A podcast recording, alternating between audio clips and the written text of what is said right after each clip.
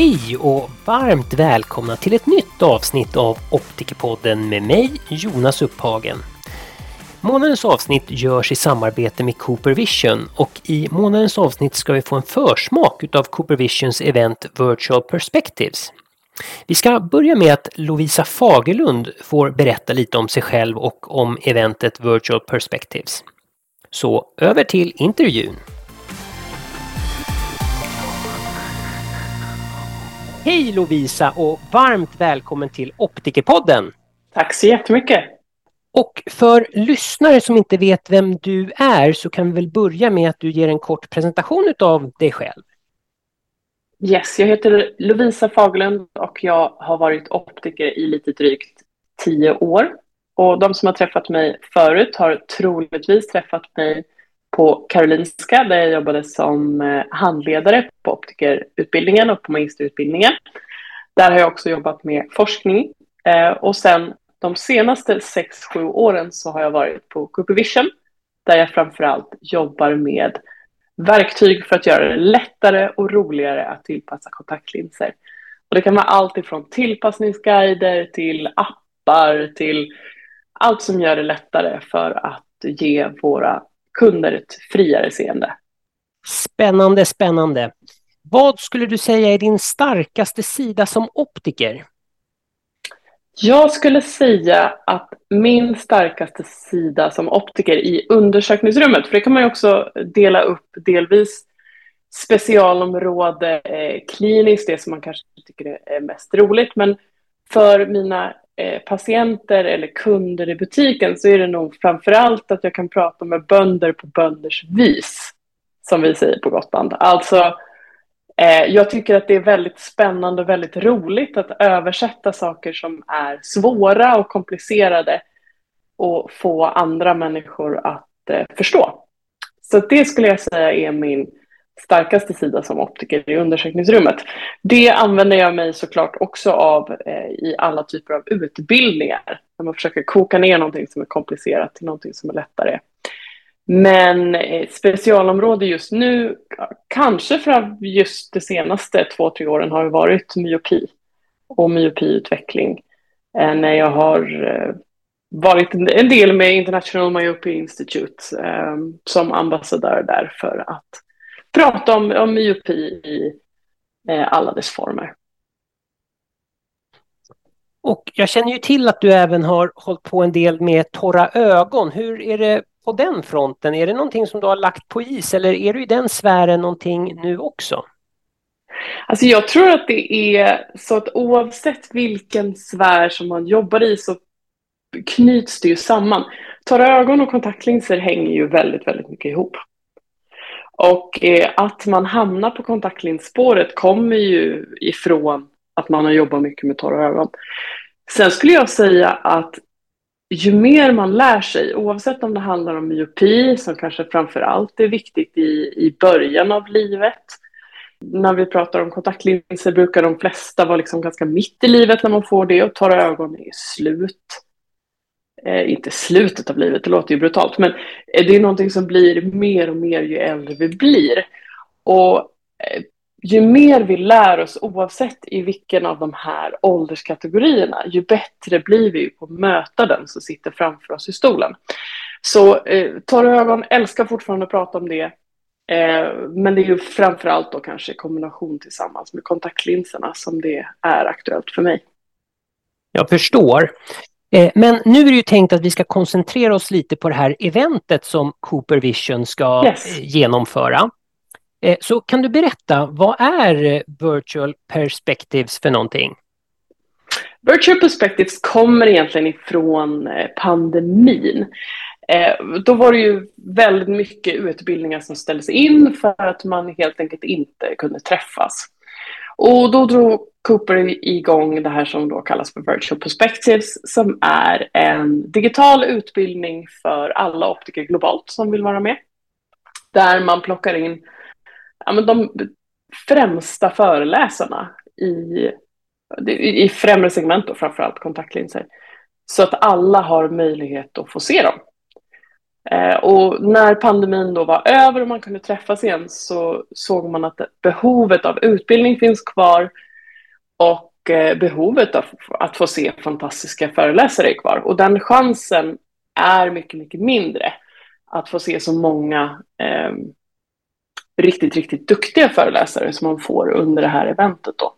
Så då tänkte man varför inte fortsätta köra? Så det är tredje gången nu, tredje året som man kör Virtual Perspectives. Eh, det är en utbildning som inte kostar någonting, som ger fyra CT-poäng om man är med hela dagen. Och det är massa spännande ämnen som man får ta del av.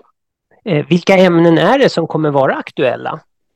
Den här gången så är hela paraplynamnet eller paraplytemat A Lifetime of Contact Lenses, alltså kontaktlinser genom livet.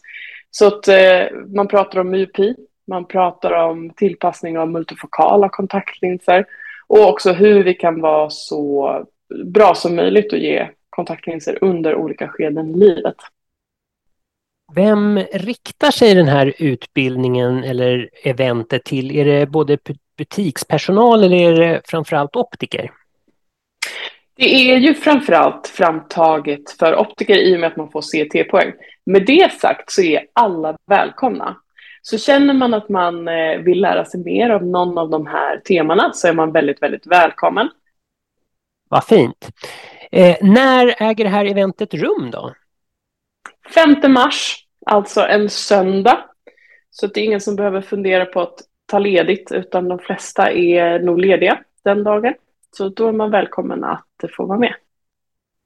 Eh, varför tycker du att man ska delta på Virtual Perspectives? Jo, men det är för att det blir kul. Och eh, utbildning är ju någonting som man inte kan få för mycket av. Är man någorlunda intresserad av kontaktlinser så tycker jag att man ska ta chansen att gå på den här kostnadsfria utbildningen. Inte bara om man gillar kontaktlinser, man kan ju lära sig mer om hur man bäst möter sina patienter då under väldigt många olika åldrar. Så att gratis utbildning är fantastiskt. Jag hoppas att det är många som håller med mig där. Hur gör man då för att anmäla sig? För jag antar att man måste anmäla sig ändå, eller är det fritt fram? Nej, man måste anmäla sig såklart och det är också där som man skriver in sitt nummer för att få CT-poäng. Det gör man redan i anmälan. Så att om ni funderar på att vara med, ta fram ert medlemskort i Optikerförbundet redan från början. Och sen går ni in på coopervision.se VP 2023.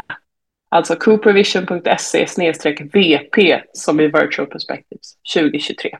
Så kommer ni direkt till anmälningssidan. Och där finns också mer information om alla föreläsare som är med, eh, vilka moderatorer det är och också vilka ämnen som kommer diskuteras under dagen. För är det så att man är extra intresserad av exempelvis myopi, då kan man komma in och bara lyssna på myopi-delen och få CT-poäng för den sessionen. Ja men jättebra. Eh, det här var faktiskt alla mina frågor men är det någonting som du känner att du vill lyfta fram eller någonting som vi har missat som vi ska förtydliga? Det jag vill säga eller tillägga det är att vi har två fantastiska svenska tjejer med i line-upen av eh, föreläsare. Så i två av panelerna så har vi eh, svensk representation, vilket är väldigt, väldigt kul att visa på en hög klinisk nivå här i Sverige, för annars hade man inte blivit inbjuden. Så man kan lyssna både till Alexandra Sköld och till Sara de Lima i två av de olika sessionerna. Och det är ju dessutom två tjejer vi kommer träffa i månadens avsnitt utav Optikerpodden. Yes. Nej men då tackar jag dig Lovisa jättemycket för att du tog dig tid att ge den här introduktionen kring Virtual Perspectives. Och lycka till nu med Virtual Perspectives. Tack så jättemycket. Så tycker jag att vi går vidare med en intervju med just Alexandra Sköld som är en av de personerna som vi möter på Virtual Perspectives. Hej Alexandra och varmt välkommen till Optikerpodden. Hej Jonas, tack så mycket. Och för lyssnare som inte vet vem du är så kan vi väl börja med en kort presentation utav dig. Jag heter Alexandra Sköld. Jag är optiker som eh, sedan 2011 och eh, jag är ju tredje generationens optiker, så jag har ju varit i branschen längre än så kan man säga. Jag har ju Eh, började lite på annan väg, började läsa kemi och sen har jag tagit mig in på optikspåret. Och sen har jag ju verkligen hittat hem när jag har kommit in eh, och börjat jobba som optiker. Jag läste optiker i Danmark och sen så läste jag min master i Norge och tillsammans med USA. Och sen har jag jobbat i Norge i fem och ett halvt år och sen har jag jobbat i eh, Sverige sedan 2016. Och då har jag flyttat tillbaka till Malmö där jag kommer ifrån och eh, tagit över min eh, fars del i företaget. Så jag är delägare här på Sköld, Sköld och Grönvall i Malmö. Spännande! Vad skulle mm. du säga är din starkaste sida som optiker? Har du några ämnen som du brinner extra för? Absolut. Vi jobbar ju med mycket specialprodukter här hos oss och det tycker jag naturligtvis är väldigt spännande. Men jag tycker också det är väldigt roligt med eh, samsyn och eh, undersökning av barn. Eh, och eh, även, eh, vi har ju mycket glaukompatienter som vi eh, följer som har extra kontroller här, även om de går på sjukhuset till exempel. En av mina starka sidor är att jag ger mig inte förrän jag har ett svar och en förklaring på varför saker och ting är på ett visst sätt och jag ger mig inte förrän saker och ting är riktigt bra. Så att jag tycker att eh, en av mina starkaste sidor är att jag har mycket tålamod och att jag är envis. Även om man kan prata med dig och din karriär och ditt arbete som låter jättespännande så ska vi koncentrera oss lite på Cooper Visions event Virtual Perspective som kommer i mars. Skulle du kunna berätta, vad är din roll på Virtual Perspectives? Jag kommer att delta som eh, panelmedlem i en eh, paneldebatt tillsammans med eh, andra ögonexperter eller optikerexperter på när det gäller kontaktlinsanvändande. Och inom vilket område kommer du prata om inom kontaktlinser? Vi kommer att prata om kontaktlinsanvändande genom, genom hela livet och hur vi då kan, vad vi behöver tänka på för att framgångsrikt kunna använda linser genom hela livet och att man måste hela tiden anpassa det till var personen är i livet. Att man tänker på vad, hur, och hur man ska föreslå kontaktlinser och hur man ska introducera det och hur man kan anpassa användandet under livet.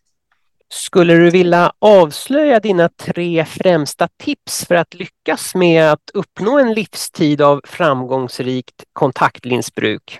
Oh, tre främsta tips. Ja, då skulle jag vilja säga att eh, se till att presentera möjligheterna för varje patient, även de som inte naturligt har kontaktlinser eller som inte har haft det förut, utan man alltid presenterar alla möjligheter för en patient, vare sig det är glasögonalternativ eller kontaktlinsalternativ, så att de själv får välja vad de vill gå vidare med. Och det kanske inte är så att man, de gör det direkt på första tillfället man nämner det, men det här är ju, man får tänka långsiktigt så att man har patienter som återkommer och då tar man upp varje gång vad patienten har för alternativ så kommer de kanske att nappa på en, att prova linser längre fram om de inte gör det vid första tillfället till exempel. Och också att man eh, tänker på att, eh, att linsanvändande behöver vara flexibelt och modifieras utefter en persons användande. Och att det är viktigt att vi är lyhörda för att snappa upp signalerna. Så att man inte missar om någon liksom uttrycker ett lite dolt missnöje och att man då kanske hellre förekommer problemen genom att man identifierar torrhetsproblem tidigt och så vidare så att man kan förekomma problemet innan, det, innan patienten slutar med linser för att de eh, inte har god komfort eller inte trivs med synen till exempel. Så det var väl nummer två. Och sen så att man också tänker på att eh, man har eh, hyperoper till exempel som många gånger kan vara eh, svåra att få igång att använda glasögon. Eh, framförallt låga hyperoper som behöver sina glasögon. Men att de har också kanske svårt att adaptera till sin styrka. De är ju ideala patienter för att sätta på linser. Att man då kan öka eh, styrkan långsamt. Det, de tycker jag är riktigt bra. Det här med hyperoper var ju ett jättebra tips. Ja, den tycker jag är jätteviktig. Vi ser väldigt mycket hyperopa patienter här som är underkorrigerade eller okorrigerade. Och eh, de behöver ju många gånger komma igång. De är kanske inte så intresserade av att ha glasögon. Men linser kan de vara öppna för, så därför är det ju väldigt, eh, eh, väldigt bra att föreslå det. Och det kan ju, ålder är ju sällan en faktor i det hela, det vet vi ju. Och det viktiga är ju motivationen. Så kan vi motivera familj och barn, för, eh, barn och ungdom för ett eh, kontaktlinsanvändande så kan det vara en bra start in i det hela. Att vi ska presentera alla, eh, alla eh, möjligheter eh, för patienten och att man också inte lägger någon vikt vid, vid de, de olika alternativen utan att man att inte vi föreslår att det är det här som är det bästa för dig, utan att vi presenterar alternativen som likvärdiga och att patienten själv väljer. Och sen att man då är öppen för ett flexibelt användande, att man tänker på att man eh, eh, behöver oftast variera användandet under livet. Vi kanske inte kan ha eh, 16 timmars användande hela dagen, utan hela livet, utan vi kanske måste ha i vissa tider i livet så har vi endagslinser som komplement till glasögon till exempel. Och ibland kanske man måste sluta med linser. Eh, så flexibelt användande, att man är öppen för det. Ja, det är kanske också viktigt att tänka, inte tänka ålder, att man inte låser sig vid åldern. För jag har ganska många äldre som också aldrig har haft linser som vill prova linser och tänker att ja, men ja, när jag tränar, nu har jag ju börjat på gympa här när jag är pensionär, då hade det ju varit skönt. Eller jag går och spelar paddel, kanske jag skulle haft linser då. Och det brukar gå jättebra det också. Så att man ska inte känna att det, det är liksom bara ungdomarna som ska ha linser, utan också att man tänker hela livet. Är linser ett alternativ? Och det finns ju bra alternativ för alla. Det, det, naturligtvis kan man behöva anpassa sig till användandet av linserna, men eh, det finns ju oftast en bra lösning för alla när det gäller linser. Jättebra, där tror jag vi fick med mer än tre tips faktiskt. Mm, ja. eh, och det här med hyperoper, ett jättebra tips där att man faktiskt kan jobba vidare med hyperoperna och successivt öka upp dem. Det är väldigt bra faktiskt. Det är mycket snabbare sätt att öka upp dem än många gånger med glasögonen eftersom med glasögonen så glömmer de ju när de ska använda dem dessutom. Många gånger så har de ju inte glasögonen riktigt den tiden man önskar. De är, vad jag, skulle jag ha dem när jag läste? Skulle jag ha dem alltid? När skulle jag ha dem? Eh, och då kan ju linser vara ett mycket enklare alternativ, för då är de ju på. Så säga. Då är de ju på hela dagen. Absolut. Vad skulle du säga är dina främsta tips för att lyckas med tillpassning av eh, multifokala kontaktlinser? Främsta tipset skulle jag säga att eh, man måste se på motivationen hos patienten naturligtvis och eh, försöka lokalisera vad är det viktigaste för patienten? Vad är det viktigaste för dem att se? Och försöka förklara att hur vi än gör så är det någon form av anpassning vi behöver göra längs med vägen. Och att man då är det viktigaste att man ska se bra på långt håll, ja då får vi ju lägga krutet där och så får man kanske komplettera och anpassa närseendet utefter eh, vad vi kan uppnå så att säga. Men också att man nyttjar tillpassningsguiderna för det finns ju väldigt mycket arbete och tid är ju nedlagt i de här tillpassningsguiderna och de är väldigt eh, effektiva. Eh, I min uppfattning i alla fall så följer man dem så tycker jag många gånger att man kommer rätt så nära eh, målet ganska med en gång och då får man en bra, en bra start och en eh, bra utgångspunkt. Sen är det kanske viktigt också, jag, tycker, jag brukar försöka att inte optimera närseendet det första jag gör, utan att försöka optimera avståndsseendet så mycket som möjligt. Och också informera om att det kommer inte vara bra på nära håll, men det kommer att vara bättre än ingenting. Och så kommer vi optimera det efterhand. Vi kommer att eh, anpassa det efterhand, men jag vill att du ser bra på långt håll först. Så det är väl eh, det jag försöker jobba med när det gäller de multifokala linserna. Och eh, också tänka på att de olika linserna är väldigt olika i design. Så har man, eh, om man inte lyckas med en design så är det viktigt att prova en annan så man känner att man har provat igenom de olika. Även om man tycker att de är ganska lika i uppbyggnaden så är de, inte, så är de ganska olika många gånger. Så det är värt att prova ett annat märke om man inte eh, går fram, når framgång med den första som man hittar. Så att säga. Det tycker jag man inte ska glömma. Vad skulle du säga är responsen från kunderna när du säger att vi börjar med att fixa det bra på långt håll och så tar vi närseendet senare? Vad är responsen från kunderna på det? Jag tycker de brukar vara ganska förstående för det. Framförallt så, så kommer det ju ändå vara bättre. Eh, därför att många gånger så är det ju kontaktlinsanvändare från början, alltså de har redan linser från början. Så även om jag bara lägger på dem en lågad så kommer det vara lättare än vad det är utan någonting alls. Så det kommer ändå vara en positiv effekt på nära håll, även om inte det är perfekt. Så att eh, det är inte som när de var 20 år, men det är fortfarande bättre än vad det var för någon timme tidigare. Så att säga. Och så att många gånger så är de väldigt eh, med på tåget då. Jag tycker att de förstår lite hur det är uppbyggt på ett annat sätt än om man bara säger att så, nu ska det fungera och så gör de inte det och så vet de inte riktigt vad det är som inte fungerar. Eh, så det är för att identifiera var bit för sig för patienten. Så tycker jag det fungerar väldigt bra att göra så. Eh, skulle du säga att du tillpassar mest multifokala linser eller mest monovision när vi pratar om presbyoper? Jag skulle säga mest multifokala. Ibland blir det monovision för det passar vissa bättre, men eh, mest multifokala. Jobbar du någonting med att kombinera glasögon tillsammans med kontaktlinser? Det jobbar vi väldigt mycket med och det kan ju vara i perioder så kan man behöva, jag upplever framförallt de tidiga presbyoperna upplever jag att man i början, där är lite, eh, det är så många inkörningssaker som sker under tidig presbyopitid så att det är mycket som man behöver anpassa sig till. Bara tanken av att ögonen inte riktigt fungerar som de gjorde förut är ju inte så tillfredsställande så sett och då kan man behöva, då är det inte alltid vi kan uppnå riktigt bra syn på nära håll framför allt med eh, multifokal lösning i mellanperioden upplever jag. Så då kan det vara att jag kompletterar med glasögon lite mer.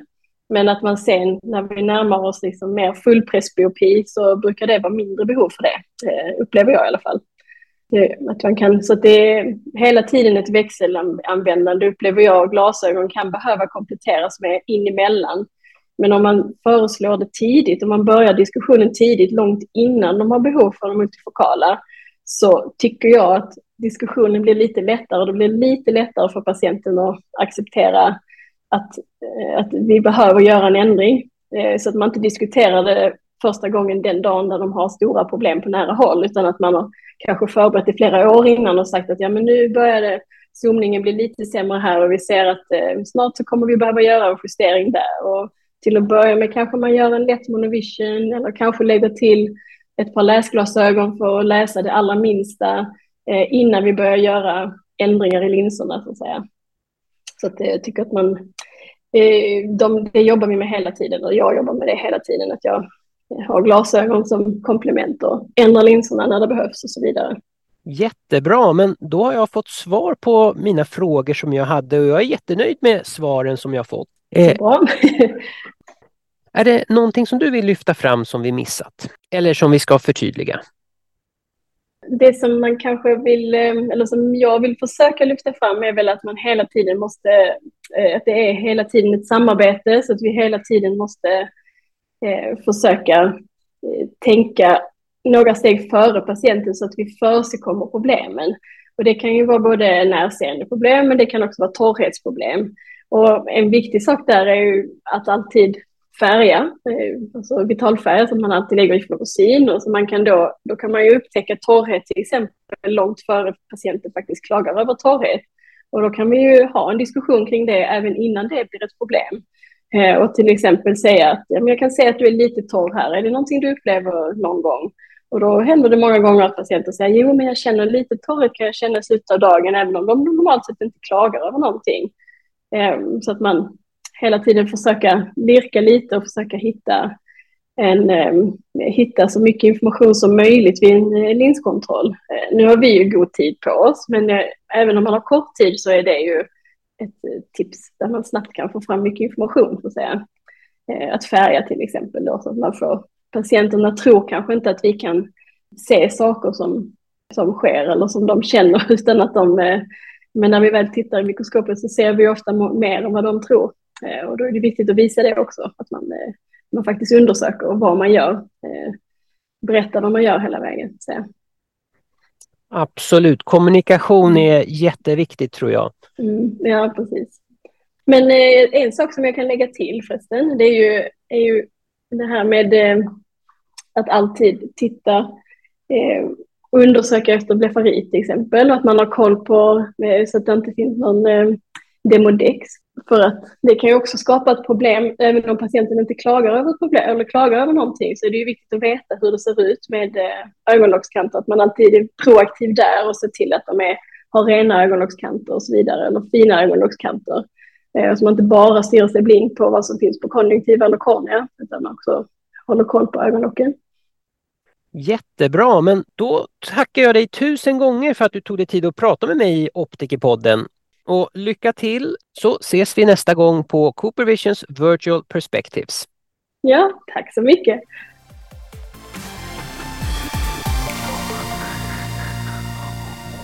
Då tackar vi Alexandra Sköld för denna information så går vi vidare med ett samtal med optiker Sara Delima som även hon är en av de personer som vi möter på Virtual Perspectives.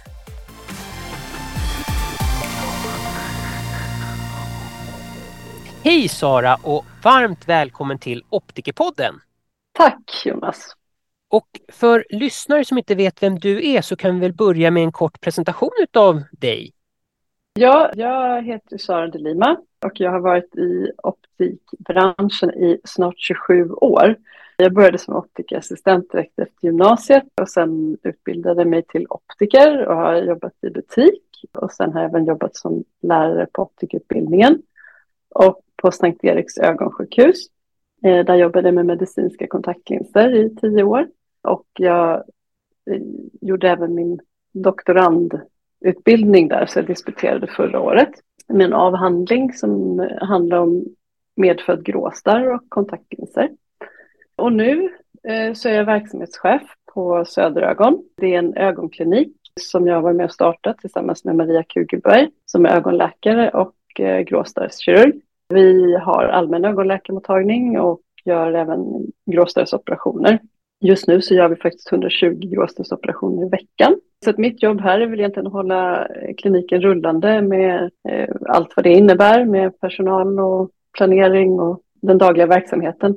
Men sen är jag även kliniskt involverad i den refraktiva eh, verksamheten som vi också har här, där vi gör då såna här linsbytesoperationer i synkorrigerande syfte. Så att ja, 27 år sammanfattat lite snabbt. Jättebra. Nej, men det där låter ju jättespännande. Hur länge hade Söderögon varit igång?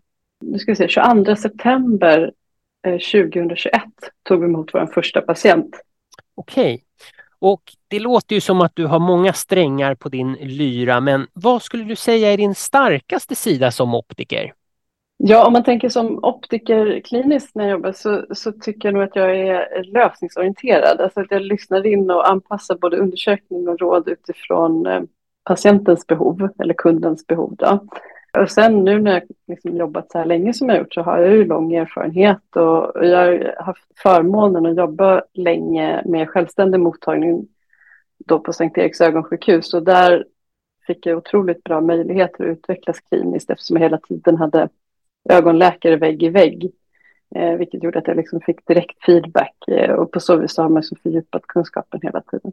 Men är det refraktiv kirurgi som du jobbar mest kliniskt med idag? Mm, kliniskt så är det till största delen refraktivt. När en kund eller patient hör av sig hit och är intresserad av att göra linsbytesoperation, då får de först träffa en sköterska eller en optiker så går vi igenom om rätt förutsättningar finns. Så den typen av bokningar tar jag. Eh, och sen även om vi har, vi har ju här i Stockholm så har vi så att man kan få eh, via medfinansiering så kan man uppgradera den intraokulära linsen till en multifokal lins när man gör en gråstarrsoperation. Och då pratar vi ju såklart väldigt mycket med de patienterna som är aktuella för det innan. Så det gör jag också. Eh, men sen är det så här som, även om jag är verksamhetschef här så ibland, men om folk är sjuka så, så hoppar jag in på mottagningen också. Så lite kliniskt blir det fortfarande. Jag förstår. Du ska ju medverka på Cooper Visions Virtual Perspectives. Vad är din roll på det eventet? Ja, eh, där är jag inbjuden som en av tre optiker i en diskussionspanel. Och det är en eh, session som heter Help, I'm a presbyope vilket jag kan relatera till numera. Och vi kommer att prata om presbyopi utifrån kundens perspektiv. Som till exempel vilken information man behöver ge. För det är faktiskt så många behöver bli informerade om vad presbyopi är. Vilket man kan som optiker tycka kanske är lite konstigt eftersom det drabbar ju alla. Men det är ändå många som inte riktigt har koll på det. Nej, men vi kommer att prata om vilka olika typer av lösningar det finns eh, och hur vi kommunicerar det här till kunden. Och genom åren så har vi som sitter i den här panelen då samlat på oss en hel del erfarenhet och vi kommer dela med oss av handfasta tips och tricks som man kan använda då när man tillpassar just multifokala kontaktlinser. Okej. För lyssnare som är på väg in i branschen och kanske inte riktigt har koll på de här begreppen, kan du förklara vad presbyopi är för någonting och vad det beror på? Ja, alltså när vi är unga då flyttar vi fokus mellan långt och nära håll utan att tänka på det. Det, det som vi kallar att man ackommoderar. Eh, ålderssynthet eller presbyopi, då, det innebär ju att linsen i ögat blir stelare och förmågan att eh, ackommodera avtar. Eh, besvären brukar oftast börja med att det tar längre tid att ställa om fokus från långt eh, till nära håll eller tvärtom från nära till långt håll. Och sen hamnar ju närfokus hamnar liksom gradvis längre och längre bort och till slut så går det inte att se på nära håll utan läsglasögon längre. Ja, men det låter ju som en jättebra förklaring. Vad är katarakt för någonting och vad är orsaken till det? Ja, alltså katarakt eller gråstarr då, eh, det är ju en normal åldersförändring som innebär att ögats lins blir gulare och grumligare och det gör att synen blir sämre och disigare. Den vanligaste orsaken är att det är en normal del av kroppens åldrande. Eh, men man kan ju även få gråstarr av andra orsaker som efter ett trauma mot ögat eller efter olika operationer i ögonen. Och man kan också få det om man har fått till exempel stora doser med kortison. Sen finns det ju då som forskning handlar om de som föds med gråstarr, men det är en helt annan klinisk bild än den här åldersrelaterade gråstarren. Jag förstår. Om man nu inte är presbyop, hur ska man kunna sätta sig in i en presbyops skor när man själv inte är det? Ja, den där frågan är faktiskt ganska rolig, för jag, som sagt, jag har jobbat inom optikbranschen i snart 27 år och det är först nu när jag själv har blivit presbyop som jag fattar hur, hur frustrerande det faktiskt är. Eh, och jag tror att det viktigaste är liksom att man verkligen försöker förstå hur stor påverkan presbyopi har på livet. Det är något som alltid har fungerat utan att man har tänkt på det, så gradvis slutar det att fungera. Och det är ju oerhört frustrerande och en del tycker till och med att det är skrämmande. Ett effektivt sätt att prova på det är om man har möjlighet att droppa ögondroppar som slappnar av ackommodationen då temporärt. Och när man väl sedan har förstått hur jobbigt det är eh, så kanske det blir lite lättare att förstå varför det är så viktigt med information om presbyopi och vilka lösningar som finns. Ja, nej, men eh, det, det, fick man, det fick jag göra i alla fall under optikerutbildningen. Då provade man ju det där för att uppleva presbyopi. Eh, sen, eh, jag är ju översynt så att utan glasögon så börjar jag känna av de där problemen också. Men, men eh, det, det gör ju mig bara som en, till en starkare kliniker så det är bara bra. ja, det är det nog. Vilka fördelar ser du med kontaktlinser för det dagliga livet för presbyoper jämfört med andra optiska lösningar som glasögon eller kirurgi exempelvis? Ja, så om man börjar med kirurgi då, som är det som vi faktiskt jobbar med idag, så är ju inte det reversibelt. Eh, alltså det går ju inte att göra det ogjort. Eh, men multifokala kontaktlinser är ju enklare att prova. Eh, och gillar man inte så kan man sluta med det. Det tycker jag är en av de viktigaste eh, fördelarna med kontaktlinser framför kirurgi då. För jag tänker att om man inte trivs med glasögon, alltså om glasögonen är i vägen, man har en aktiv livsstil och så, då tycker jag första steget är att prova kontaktlinser innan man funderar på kirurgi. Glasögon kan ju vara i vägen om man sportar mycket och sådär. Om man är, ser bra på långt håll och, och egentligen bara behöver läsglasögon och börjar använda sådana här färdiga läsglasögon, det är många som gör det, då har ju de bara ett fokusavstånd. Och oftast behöver man ju faktiskt titta på olika avstånd och det resulterar i att man har många olika par. Eh, man kanske har några för datorn och några när man läser och sådär och då är ju kontaktlinserna enklare. Sen har vi monovision med kontaktlinser och för en del funkar det jättebra, men det ger ju faktiskt bara fokus på två avstånd, på långt håll och på nära håll. Och det kan också vara ganska svårt att vända sig ur det om det ena ögat är väldigt dominant. Sen är det också svårare ju högre eh, närtillägg man behöver. Nu jobbar inte jag så mycket med refraktiv kirurgi i dagsläget, men jag minns när jag jobbade aktivt med det att jag såg mycket likheter mellan mina erfarenheter kring kontaktlinser och eh, refraktiv kirurgi. Så att jag upplevde att det fanns mycket likheter synen där. Nej, men jag håller, jag håller med dig helt klart i det, att eh, det finns mycket likheter mellan eh, kontaktlinser och RLE, vilka som är aktuella för det. Yes. Hur hittar man rätt presbyopa kandidater för kontaktlinser respektive refraktiv kirurgi? Ja, så om man börjar med kontaktlinser så tycker att det liksom är alla som vill slippa glasögon. Och det gäller de som vill göra det helt eller bara ibland. Och sen har vi ju nu, nu har man jobbat så länge med kontaktlinser, alltså det har ju varit så vanligt så länge. Så många kontaktlinsbärare som har haft kontaktlinser liksom i stort sett hela sitt vuxna liv börjar nu faktiskt bli presbyoper. Då tycker jag att man kan börja prata med dem om presbyopi ganska tidigt och föreslå multifokala kontaktlinser. Och då gärna kanske helst innan man börjar använda läsglasögon över sina vanliga kontaktlinser. För det är lite lättare att lära, eh, vänja sig vid dem när, om man börjar med en låg addition på linserna.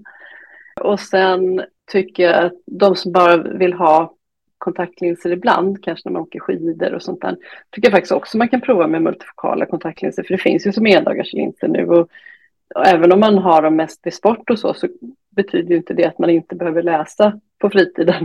Om man säger. Även om man är ute och åker skidor och sånt så kanske man ska gå in och läsa någon meny i någon trevlig toppstuga. Men sen då när det gäller RLE så tycker jag att det är de som vill slippa sina glasögon såklart och där kontaktlinser inte fungerar av olika skäl. Och är det så att man vill, om de kommer och säger att de vill slippa sina glasögon så tycker jag att de, de måste vara väldigt motiverade, de måste tycka att glasögon verkligen är ett besvär om man ska fundera på RLE. Jättebra. Vad har du för kriterier när du eh, försöker hitta rätt presbyopa-kandidater för multifokala kontaktlinser och RLE? Det är absolut de som redan är kontaktlinsbärare. Tycker att man ska försöka få över på vanliga, eller alltså på multifokala kontaktlinser eh, ganska tidigt. Sen de som tycker, alltså som börjar med eh, Eh, som kanske inte haft några glasögon alls, men sen blir det översynt och börjar med progressiva glasögon. Eh, jag tycker alltid att man kan fråga dem om de är intresserade av att prova kontaktlinser. Och när man tillpassar de här multifokala, många tycker att det är svårt och så, men jag, jag tycker att man, man får använda de här tillpassningsguiderna som finns så brukar det gå väldigt bra. Sen ska man tänka på att Eh, den perfekta kontaktlinsen som passar alla, den finns inte. Eh, det som fungerar för en patient kanske inte fungerar för nästa. Så man, för att välja rätt lins så behöver man liksom ta hänsyn till patientens livsstil, synbehov och hur hornhinnan ser ut och tårfilmen och linsens materialegenskaper. Det är ju alltid viktigt i kontaktlinstillpassning, men när man tillpassar multifokala linser så måste man ju tänka på att inte bara liksom uppnå bra synskärpa på olika avstånd, man måste också tänka på att den åldrande tårfilmen ställer högre eh, krav på att linserna ska fungera bekvämt under hela dagen. Eh, om de till exempel blir torra så kommer faktiskt synskärpan bli sämre, för de multifokala linserna är liksom lite känsligare för det. Och det är här som vi som optiker verkligen har chansen att använda vår expertkunskap och komma fram till en kontaktlinslösning som fungerar för kunden. När det gäller RLE så tycker jag att allt handlar om vilken relation man har till sina glasögon eller till kontaktlinserna. RLE tycker jag kan vara bra för de som verkligen inte tycker om glasögon och linser. Och för att vara aktuell här hos oss eh, för en RLE så behöver man vara ögonfrisk. Och sen måste man vara väl införstådd med att Eh, eh det kommer inte göra så att synen blir som när man var 20 igen, utan det kommer vara en kompromiss. Eh, man kommer inte se lika bra som man skulle göra med bästa tänkbara glasögon heller. Alla de här linserna har lite bieffekter. Så här hos oss så jobbar vi väldigt mycket, alltså på Söderögon lägger vi mycket tid på att ha samtal med patienterna innan för att avgöra om de har liksom rimliga förväntningar på vad det här innebär och om de är lämpliga för ingreppet de måste liksom kunna acceptera de nackdelarna som de här inopererade linserna har jämfört med glasögon. Annars så tycker jag inte att man ska göra den här typen av operation. Har ni några kriterier gällande ålder och eh, exempelvis läsaddition? Nej, inte fast så. Som du själv var inne på, är man hyperop till exempel, då, då blir man ju störd av sin presbyopi kanske tidigare än om man är myop. Då. Eh, så vi har inte satt någon sån åldersgräns. Vi har inte heller satt någon fast gräns för addition. Men man ska ju ha kommit så pass långt i sin presbyopi att man faktiskt har besvär av den.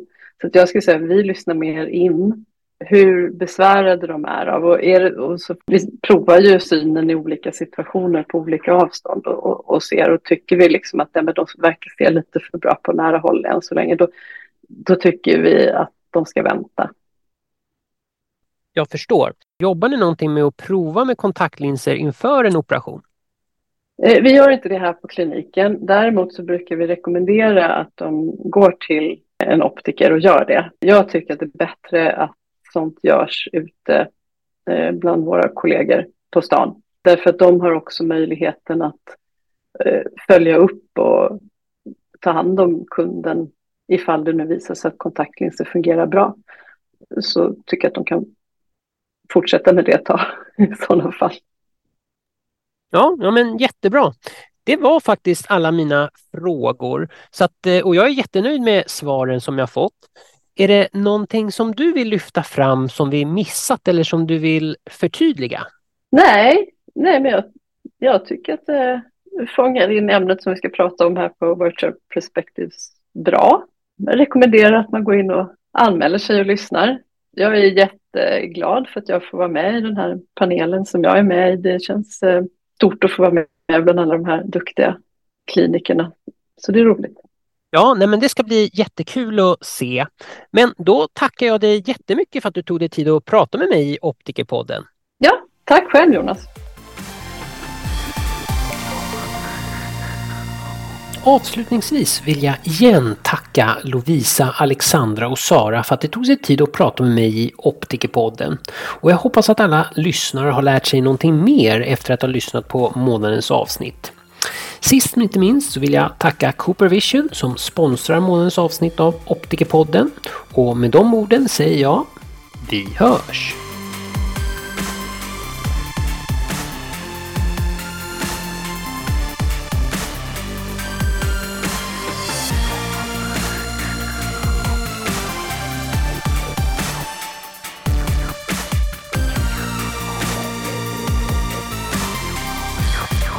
Ja, vad roligt. Mm. Ja. Jättebra. Ha en trevlig arbetsdag. Och tack detsamma. Fortsätt vara fantastisk. Ja, tack detsamma mm. du. Ha det, ha det gott. Hej då. Hej då. Hej.